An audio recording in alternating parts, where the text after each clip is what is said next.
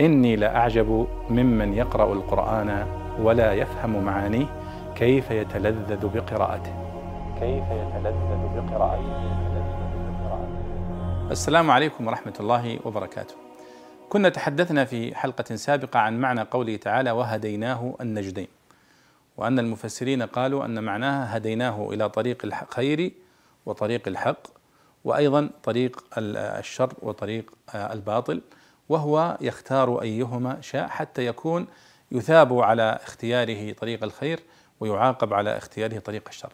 فأحد المتابعين الكرام عقب وقال إنني سمعت تفسيرا آخر أن معنى هديناه النجدين أي هديناه إلى ثديي أمه دون تعليم ودون تدريب. فهو منذ أن يولد الطفل فإنه يهتدي إلى الرضاعة من ثدي أمه دون تعليم. وهذا القول مثال من أمثلة هداية الله للإنسان إلى إلى إلى إلى هذا الأشياء التي يحتاجها. لكن التفسير الصحيح هو آه، ما ذكرته في الحلقة أن هديناه إلى طريق الخير وإلى طريق الشر. أما هداية آه، البشر إلى ثدي الأم فهذا يشترك فيه آه، الإنسان مع سائر الحيوانات.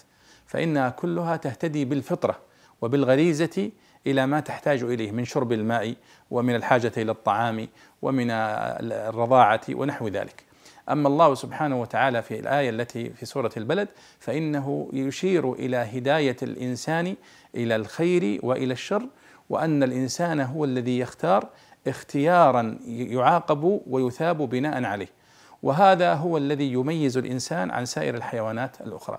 فإن اختيار الإنسان هو كما ذكر المفسرون هي الأمانة التكليف التي تحملها الإنسان وأبت أن تحملها الجبال وأن تحملها الحيوانات الأخرى.